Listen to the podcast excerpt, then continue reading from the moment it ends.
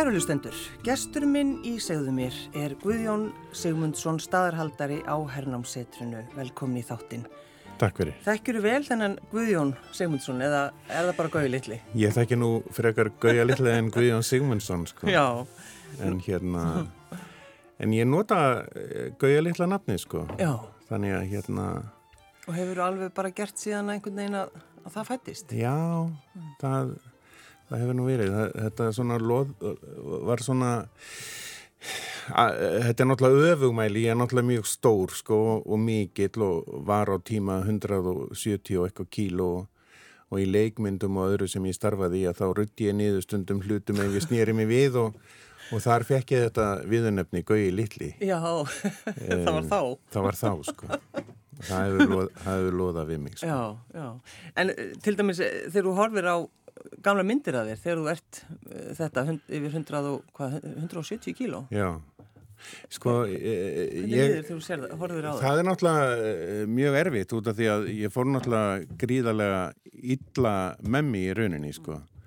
en, en hérna en þú veist, ég hef alltaf tíð verið feitur og þegar ég horfi myndir á myndir af mér sko þegar ég er grannur og mjög spengilugur sko að þá mann ég að upplifunin var að ég var feitur sko já, já, e, og það er náttúrulega sökun þess að ég átti eldri bróðir sem var mjög grannur og ég gekk í fött þetta var á þeim tíma sem fötinn gengur niður sko. jú, jú. og ég passaði síðan ekki fötta gísla út af því að ég var feitur já, já, þannig að það hefur alltaf loða svolítið við mig sko. og svo náttúrulega, þú veist, er ég bara matarfíkil og finnst gott að borða og, og hérna þannig að ég þarf að passa alveg rosalega upp á upp á mig Já, já. Hvernig kemst maður inn í officerklúpiðin? Officerklúpurinn var nú stopnaður sko utanum um, vini mína sem hafa hjálpað mér í gegnum tíðina á herrnámsetrinu. Um, ég gerir það náttúrulega ekki eitt, þannig að ég hef náttúrulega fjölskyldu og sískinni mín hafa hjálpað mér. Gunni bróðir er grafískur hannur og Gísli og Sigrun uh, eru, eru smiðir og, og, e, og svo á ég náttúrulega eh, stóran vinahóp og ég á orðið góða vin í sveitinni og annað slikt og og það eru margir sem koma á safnið og hafa sagt, þú veist, hérna, okkur finnst þetta svo æðislegt, ef við getum hjálpað til þá endilega hafðu samband, bla bla bla. Og það sem ég gerði var að ég stopnaði þennan officerklub á Facebook sem er svona loku grúpa það sem menn geta farið inn. Og síðan þegar ég er í einhverju vandræðum og þá set ég inn, ég þarf að mála þennan veginn eða ég þarf að gera þetta og þá þá koma menn og, og, hérna, og ráðast í þessi verk sem ég ræði ekki við sjálfur. Já, sko. já, ég held að þetta væri sko bara fyrir partíin þannig að ég þarf að koma já, og mála eitthvað. Jú, en sko síðan, síðan er þetta náttúrulega þannig að þetta er náttúrulega svona menningatengt uh, hérna grúpa þannig að við ætlum að vera með svona fræðslu og annað slíkt og, og síðan, þú veist kótilettu kvöld og, og sviðavistlu Þetta klassíska. klassíska En hvenar vaknaði áhugið þinn á setni heimströldinni á Íslandi? Já, það, það hérna já, ég veit það nú alveg sko uh, það var nú bara þegar ég flytti í sveitina í rauninni því að þegar ég flytt fyrir tíu árum 2010 þá þá hérna kem ég upp úr kreppunni og ég er búin að vera í leikmyndum og öðru slíku og svona ívendum eða viðbörðastjórnun og það sem ég dætt í hug þegar ég legði þetta hús sem var tomt á þeim tíma þá stóði ég í salnum og hugsaði ég þarf náttúrulega að vera með eitthvað svona þema og svona menningatengda ferðarþjónustu og og reyna að draga fólk í hús og, og ég hugsaði, væri nú sniðut að vera með sko svona kvalatengt eitthvað, kvalfjörður, kvalstöð, kvalvatn og og ég byrjaði að sapna svona kvaladóti, setti upp svona pínur litla síningu og svo byrjaði Kristján að veiða kvalin 2011 þannig ég lendi pínlíti svona í vandræðum og ég er með stort bílastæði og hugsaði það nú ekki mjög sniðut að vera með mikið af eh, mótmælendum út á plani Nei. þannig að eh, Kristján Gard Kristjánsson vinu minn hafði þá keft ferstikluskáli sem er við hliðina og við settum upp minsta kvalasafni í Evrópu Já, þar, þar. og svo stóði ég bara í salnum aftur og, og hugsaði hvaða sögu ætti ég að segja. Og þá man ég eftir því að, að hérna e, þegar við kerðum kvalfyrinn og það var verið að fara í sveitina í gamla daga þá var amma með í fjör og hún töðaði svona, hún, e, amma mín talaði náttúrulega um hernámi sem svona pínlitla skömm og, og hérna að við höfum svikið Dani 44 um, og öðla sjálfstæði og svo náttúrulega þessa vestlingskonu sem lágu undir þessum dátum og þáðu fyrir það tekki gumi súkuleði og silkisokka. Mm. Síðan kerðum við kvalfjörðin og, og, hérna, og þar var varmaður á hægri hönd þegar maður kom upp brekkuna hjá miðsandi eða litlasandi og um, hún kvart okkur til þess að he eh, heilsað Hermanna sig og brósana sér við sett í fangilsi en, en, en það eru svona fyrstu minningarnar, ég man eftir að eh, ég hafði eitthvað lesið um setni heimstyrjaldinni í kennslubókum og ég fletti því upp og, og þar var einn setning um það sem gerðist í kvalfyrði og hún var í kvalfyrði var herstuð, punktur. Já, það var eina. Það var það eina Uh, síðan sko fer ég svolítið á stúana Magnús Þór Hafstinsson skrifar 2011-12 þá um jólinbókina Dauðin í Dumsavi sem svona fjallar um uh, skipalestirna frá kvalfyrði mm -hmm. og ég fer á stúana og reyna að finna svona eitthvað dót og ég ákveð þá að fara og segja þessa sögu um minningu ömmu og hérna byrja, eh, hún er samt haft hann í huga já, já, en, en byrja mjög smátt sko. Um, ég fór á þjóminasafnið uh, og árbæðasafnið og, og fann út að það var lítið sem ekkert til. Uh, ég kemst yfir engasafnara sem safna alveg gríðarlegu magnadóti en vil ekki sína neitt. Eða þú veist hannig og, en ég, ég sem sagt hérna Uh, fæ eitt til þess að lofa mér að, að skanna hluti og ljósmynda og annað slíkt og, og það eru svona uppi staða af stórum skildum sem ég setti upp 2012 og svo opnaði ég sapnið formlega 19. mæi á amalinu mínu 2012 og hérna uh, og svo bara svona smátt og smátt hefur það stakkað sko ég kem náttúrulega leikmyndabransunum og, og hérna þar náttúrulega fellur til dót Eh, þegar við erum að tala, eh, taka strísmyndir og, og hérna síðan er það mikið af gömlu fólki sem, eða svona eldra fólki kannski ekki gömlu fólki en eldra fólki eins og mér sem hérna kemur á safnið og þá mann það eftir hlutum. Og hérna sem það á í bílskúr eða háalöfti gemslu eða eitthvað og segir, þú veist, ég menna ef þú kemur ekki og sækir þessa hluti þá verður þeim fleikt, því að yngri kynnslóður kannski ber ekki skinnbrað á hvað þau eru með í höndunum og, og hérna, við erum náttúrulega búin að henda gríðalögu magni en e, fólk hefur verið að bera í hús og svona síðasta einu og halva ári hef ég farið einu sinni í viku að sækja dót Ég fór í gær, ég var í bænum í gær og þar náði ég í eina fjóra hluti og svo er ég að sækja einn hlut núna áður ég fyrir heim. Já. Eh, þannig að sapni hefur stakkað alveg gríðarlega og svo er þetta náttúrulega þannig, tala ég ómikið það? Nei, þú, er, þú átt að tala. svo er þetta náttúrulega þannig að, að sko, ég er í góðu sam, eh, samskiptum við sko sendiráðinn um, og, sérstaklega þeirra sem hafa tekið þátt í setni heimstyrjöld hér eins og breska sendiráðið, ameriska sendiráðið og síðan rúsneska sendiráðið. Og þeir hafa fært uh, safninu hluti sko. En þegar maður lappar inn uh, þá er svolítið eins og maður sé bara að, að trubla viðkomandi, það er, það er eins og þeir séu þarna ennþá. Já. sérstaklega kannski maður, þegar maður fyrir inn í bresku stofuna, hefur þú kallar hann að það? Já.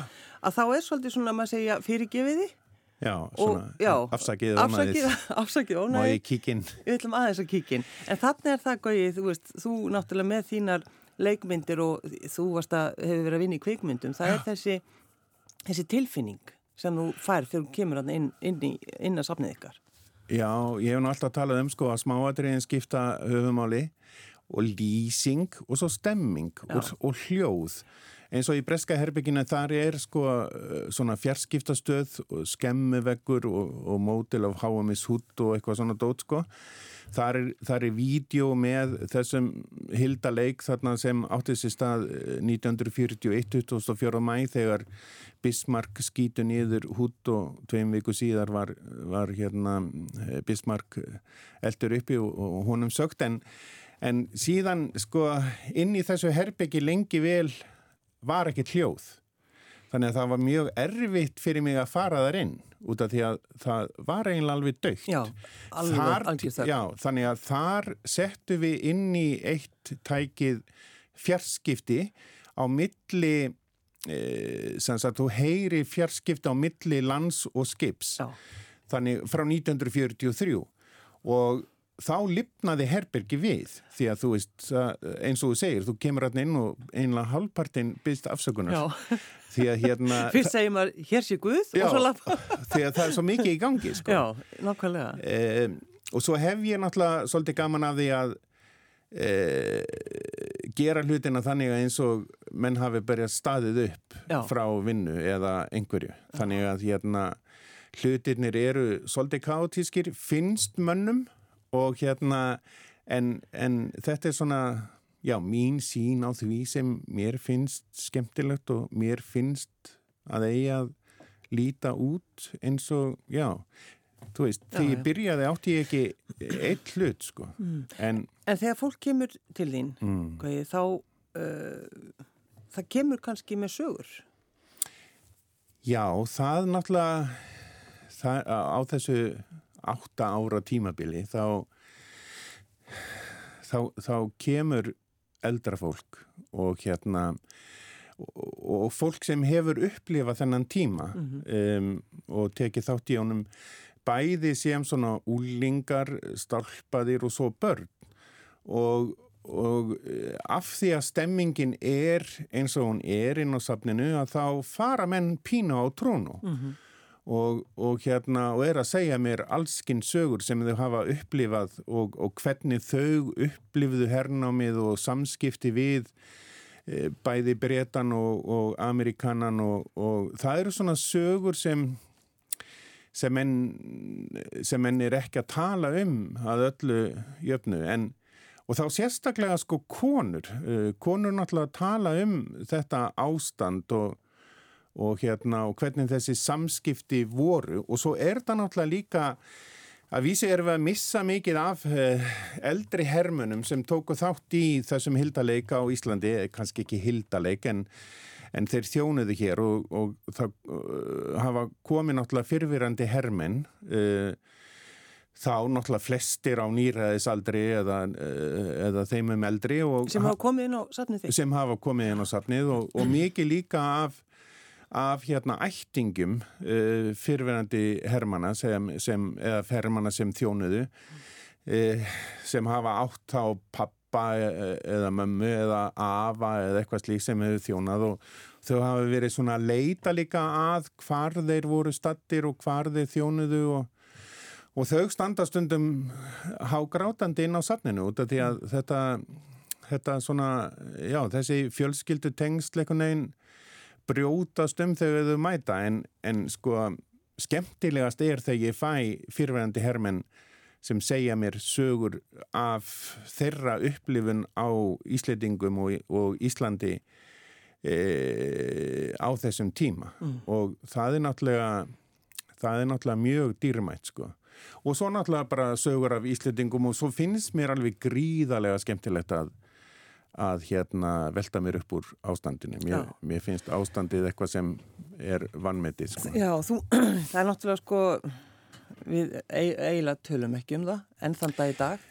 Nei en sko eftir stríða þá var þetta eiginlega það sem menn töluð um og, og svona menn voru ekkert að, að hérna uh, velta fyrir sér eitthvað hvernig þetta hafði áhrif á samfélagið og hversu mikið við grættum á þess að fengu allir vinnu og, og þú veist eftir stríð fengu við þú veist styrki erlendis frá og sem við Uh, já, þannig að þú veist við einhvern veginn bara töluðum um ástandi, við kallmenn voru bara svona aðbreyðsamir durgar sem, sem hérna skildi ekki þessar konur sem, sem fjallu fyrir þessum ungu mönnum í þessum fallegu búningum. Já.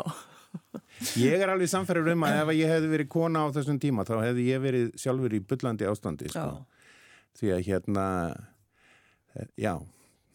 En sko, það voru, sko, voru breytarnir og svo, svo komu kannarnir og það er náttúrulega svona lýsingar á þeim, það eru svolítið ólíkar í rauninni, þetta er náttúrulega ólíkar þjóðir. Já, sko, konur, ég tala um konur, það er talað um að breytin hafi verið lítill, skítur, illútbúin og dónalegur. Já.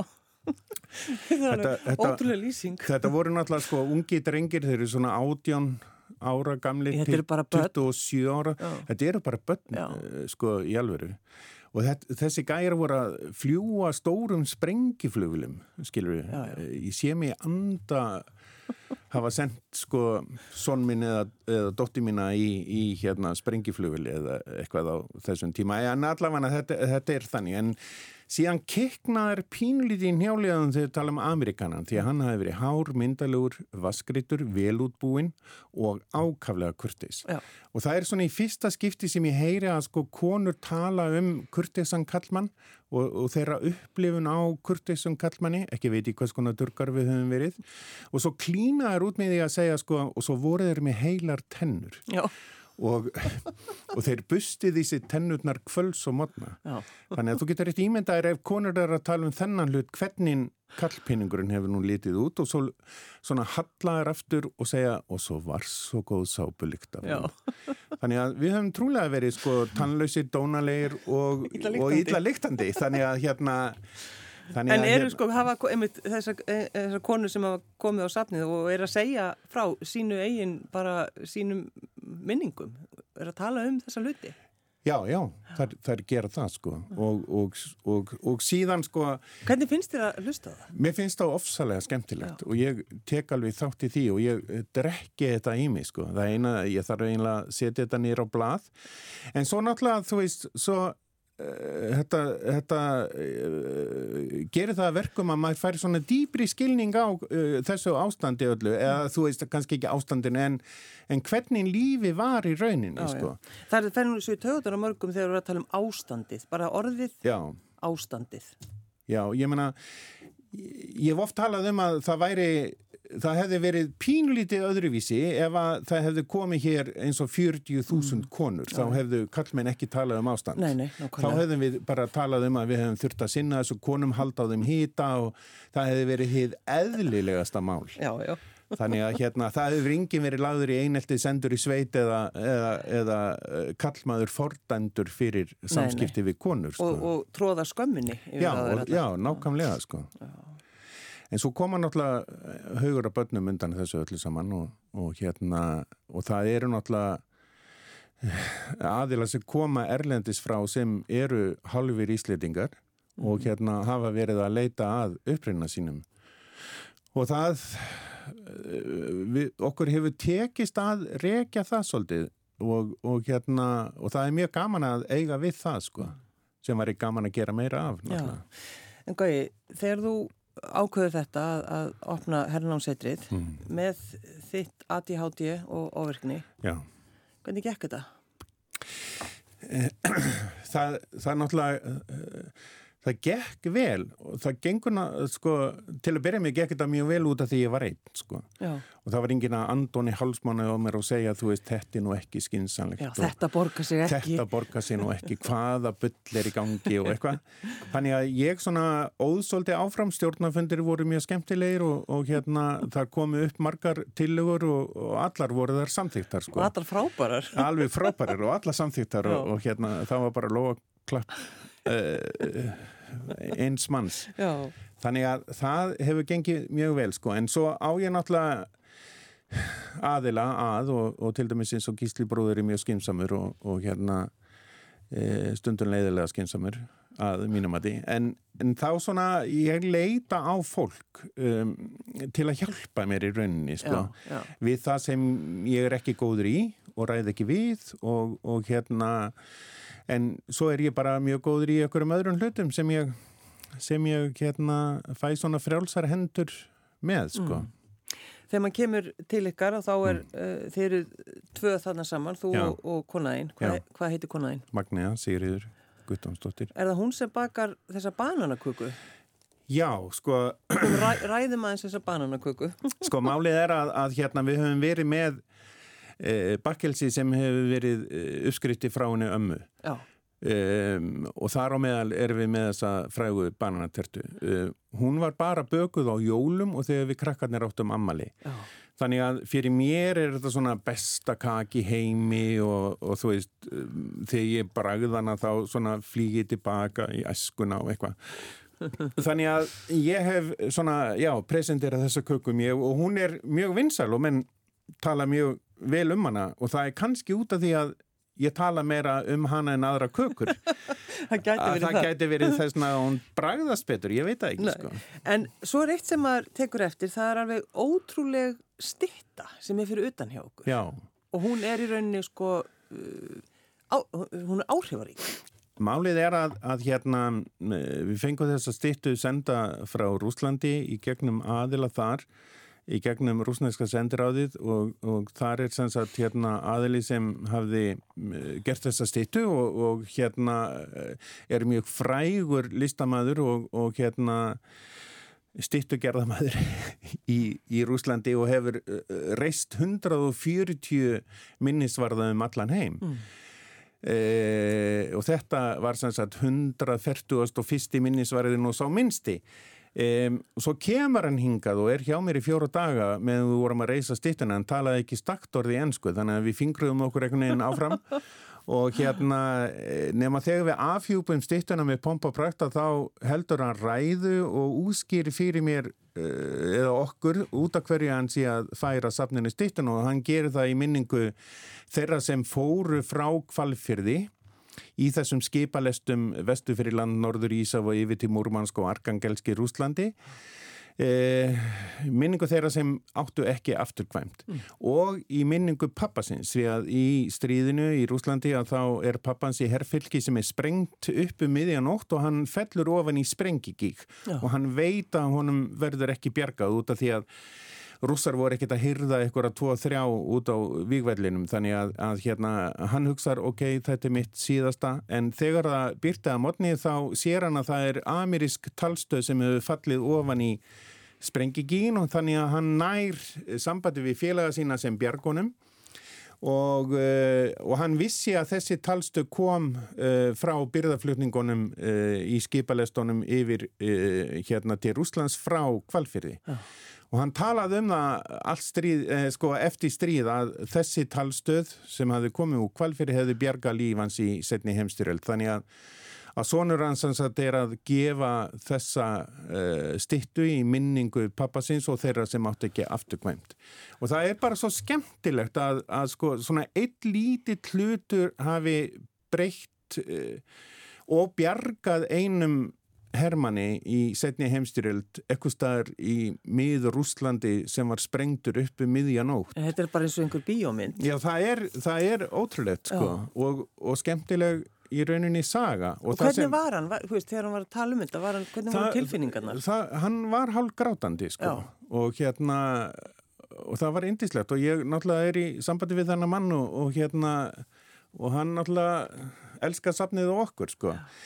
En svo er þetta náttúrulega, eh, við mistum 211 Íslendinga í setni heimstyrjöld og það sem við erum að gera núna er að vinna því að setja upp minnisvarða um þessa Íslendinga og við erum að halda þeirri minningu einnig á lofti því að þú veist, við lögðum okkar að mörgum og hérna, við erum alltaf að bera okkur saman við önnur lönd og annað en sko hlutfall af mannsfalli í setni heimstyrjöld er hæðst á Íslandi þannig að miða við höfðatölu og mhm. allt það sko ekki það að ég sé að metast eitthvað við aðra nei, nei. En, en mannfall og, og þessi hilda leikur var með ólíkindum og, og ég vona að við eigum aldrei eftir að að upplifa þá tíma og þær hörmungar sko Að... En sko, það, einmitt, það er friður, það er það sem líka er það ekki sem það þú talar um já, og við verðum að tala um. Það er það sem skiptir okkur höfumáli já. og það sem við leggjum gríðarlega áherslu á og sérstaklega þá, já bæði fyrir okkur, uh, við þurfum að vera meðvituð um að friður skipti meira en, en hérna uh, en stríðs átök og svo líka fyrir uh, yngri kynnslóðir að þau séu meðvituð um að við tókum og þetta er partur af okkar menningu en að það skipti máli og mestu máli að við göngum um í friði og ró og hérna og menn séu meðvitaðir um það Já. og það er það sem við leggjum áherslu á á safninu að menn gangi síðan um í, í friði og spekt sko. Hvernig barn varstu, Guði Lilli? Ég, ég var ég var náttúrulega, þú veist, mér gekk ítli í skóla ég var náttúrulega lesblindur, ofvirkur með aðteglisbrest og allan þann pakka. Ég hefði verið sko, sprautaði nýður trúlega og, og livjaður sem betur fyrir var það ekki. Þannig að, að hérna ég átti uh, alveg ágættis æsku sko, auðvitað átti ég svolítið erfitt, ég átti erfitt í skóla og sem úlingur var ég óþjáll og, og hérna kannski erfiður, ég kannski get ekki metið það sjálfur, ég get ekki sagt já, var þú þurftir að spyrja eitthvað aðra því já, sko já. En, en að öllu jöfnu uh, átti ég góðan tíma sko. Ég var náttúrulega í skátunum, skátastarfi hjálpaði mér alveg gríðalega. Það er svona elst ég svolítið félagslega upp sko og ég ber já, ég, ég það er margt sem ég er að gera í dag sem ég gæti ekki gert nema út af því ég gekk í skátana sko. Mm. Þannig að ég er mjög þakkláttur fyrir þann tíma sko. Var, sko, var fjör á heimilinu því nefnir, þið voru þá hvað fjögur sískinin? Já, fjögur sískinin og pappa og mamma og, og, amma í einu 14 fermetra herbyggi og, og í íbúð sem var 79 fermetra þannig að hvað ert að segja? Þið getur rétt ímyndað ykkur hvort að það myndi ganga upp í dag sko. Nei, það fyrir allir að vera með sér herbyggi í dag Ná, Nákvæmlega, en það, það, það var ekki þannig sko. þannig að það gekk nú gekk nú ímislegt á en mamma held nú vel utanum pakkan ásand ömmu Já. og svo náttúrulega pappa líka Já. þannig að þetta var stuð Þannig að það hefur verið, sko, hvað hva voruð þið mörg í eh, Söfnherbyggi? Sko, uh, við vorum fjögur með pappa og mömmu í 14 fermyndurum með stórum klæðaskap þannig að Ég bara þegar ég, er að reyðja þetta núna þá, þá bara, ég skil ekki þeirra eh, svona prífallíf sko. Nei, nákvæmlega. Hvernig það hefur þróað sko. Já. En það voruði mikið þvottum í kellaranum. Það er kannski þessuna sem þetta hefði nú bjargast allt saman. Nei, ég, ég segi svo. Já, en þetta náttúrulega eh, gerir það verkulega. Þeir, þeir eru miklu vinir í dag. Já, Sískinnin. já við, erum, við erum það í dag sko. Og ég hitti bræði mína í gæri þar sem við rættum daginn og veginn og svo sapnið og svona Já. því að þú veist það er svo holdt fyrir mig að fá bara svona feedback á það sem ég er að gera og það sem ég er að hugsa og svona og mm. þar komu upp hugmyndir sem eru frábæra sem ég ætla að nýta mér og, og við erum náttúrulega í miklu sambandi út af því að Gunni bróðir hjálpaði mig með allt það sem ég er að gera grafíst og svona og, og svona social media sem ég skil ekki Nei. Ég kann að kveikja tölvun og slökka á henni það er ekkit mikið meir sko. er það ekki bara gott? Jú, það er bara allt í lei ég menna, maður á að nýta sér þekkingu þeirra sem hérna bera uh, þá vittnesku sem ég get ekki já, átt já. við maður þarf ofta að fara að lána skynsemi já, já, það er bara, það er bara alltaf þannig sko. hvernig var þið tekið í sveitinni? Guði? Fyrst til að byrja með var þetta mjög erfitt sko Alveg hvað er þú að gera upp á dekk? Já, það, það var svolítið þannig og, og þú veist, um, ekkur hérna gauði litli úr Reykjavík að tróðast inn í félagsheimilið okkar og, og, og sapna þar ekkur drastli sko í ofanálag. Já. Þannig að hérna e, það var svolítið erfitt fyrst en, en, og svona kæftasögur og leiðindi og eitthvað en Ég tók nú snemma þá ákverðin að velta mér ekki upp úr því og halda mínu striki og, en, en sko í dag er þetta allt annað viðþorf. Um, ég held að menn séu að átta sig á því að þetta sapnir komið til þess að vera og þetta skiptir sveitina uh, máli og þá sérstaklega svona ferðamannabransan því að þetta svona hjálpar, uh, þetta hjálpast allt að. Um, e, þeim sem eru í ferðamennsku þarna og, og hérna og þetta er svona, já e, ég tel að, sko víst, við erum komið langtíma samning og annað slikt og, og hérna, hann rennir út þegar ég er komin á aldur og eitthvað þannig að hérna, ég held að þetta ég held að þetta sé farsælt og ég ég er náttúrulega að vinna því að að sagt, við í kvalfyrir síðan bóðberar friðar sko mm. og hérna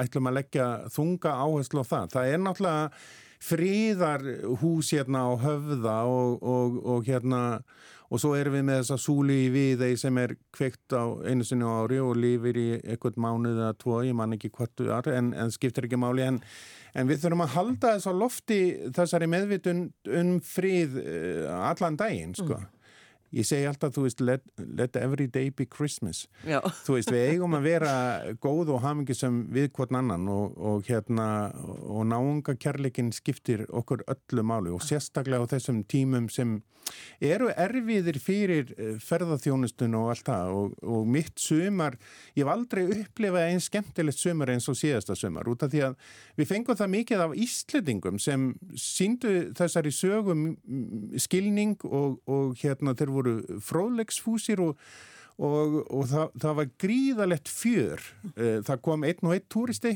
en þeir voru það fáir að ég tók myndaðum öllum en, en sko þeir eitthvað neginn það, já, það eh, mér fannst mér fannst þetta sumar eitt skemmtilegsta sumar sem ég hef upplifað Já, sko. og svo náttúrulega þú býrir náttúrulega í sveitinni það er, þú ert já. orðin Já, þú ég, ert bara orðin partur af, já, af sveitinni ég, ég er náttúrulega partur af þessu samfélagi og þetta já. samfélagi er mjög gott sko. mm. og, hérna, og ég hef oft hugsað til þess ég þarf ekki að búa þarna ég þýrti ég þýrti ekkert að vera þarna til þess að reka þetta, ég get alveg kert úr Reykjavík og, og synd þessu en En það eru bara svo margir kostir mm. uh, við það að vera í sveitinni að uh, við eigum, já, við förum ekki úr sveitinni. Nei, en hvað er svona, er einhver hlutur á safninu sem er svona verðmættar en já, aðri já, hlutir.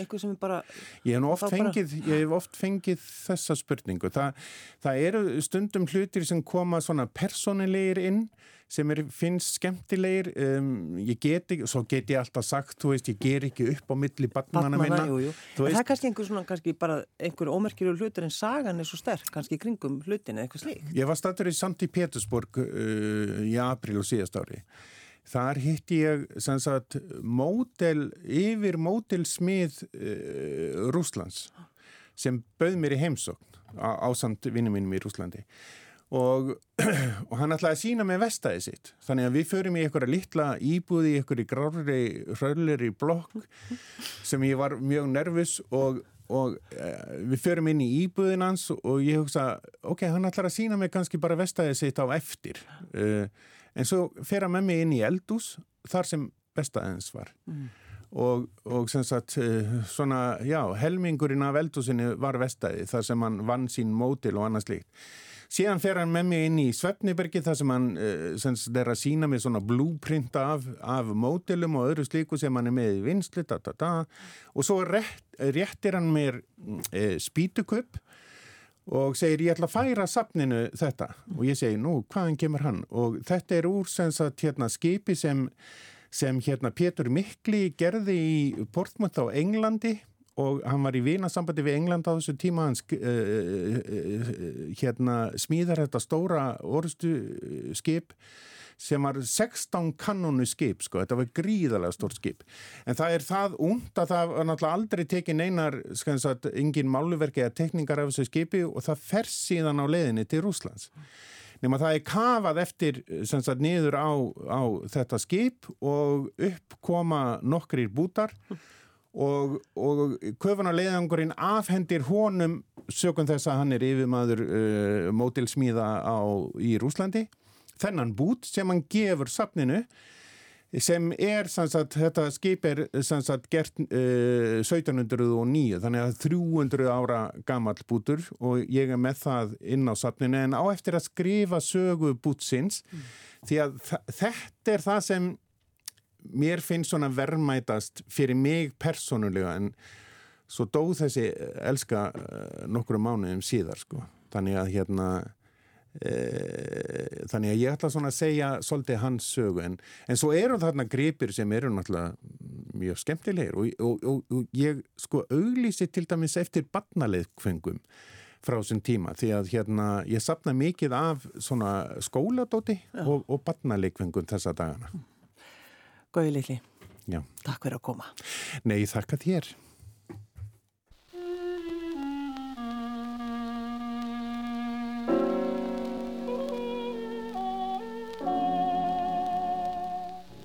lebt in einer großen Stadt und ist doch so allein. Der Mann, nach dem man Sehnsucht hat, scheint noch nicht da zu sein. Man kennt ihn nicht und kennt ihn doch genau. Und man hat Angst, dass er vorübergeht und sucht bei anderen ihn und bleibt doch seine Frau, bis man ihm plötzlich gegenübersteht. Und da weiß man nicht, was man sagen soll und man findet alles so banal. Und man nahm doch früher gern den Mund so voll und nun stottert man mit einem Mal. Alles das, was man sich vorgenommen hat, ihm sofort im ersten Augenblick zu sagen, das vergisst man glatt, denn es sagt sein Blick, dass er einen längst verstanden hat. Man hat jetzt alles, was man will, man könnte glücklich sein. Die große Stadt ist plötzlich still. Man lebt für ihn allein. Man denkt an nichts, so schön ist diese Zeit. Man hat nur Angst, dass sie vorübergeht. Und denkt ganz leise heimlich an den ersten Streit, bis man ihm plötzlich gegenübersteht. Und da weiß man nicht, was man sagen soll. Und man findet alles so banal. Und er nahm doch früher nie den Mund so voll. Und nun schreit er so mit einem Mal. Und man schweigt und fühlt genau, jetzt ist es Schluss. Und es lohnt nicht einmal mehr ein Wort zu sagen. Jetzt ist alles aus. Eine Welt stürzt ein. Man ist wieder einmal so allein.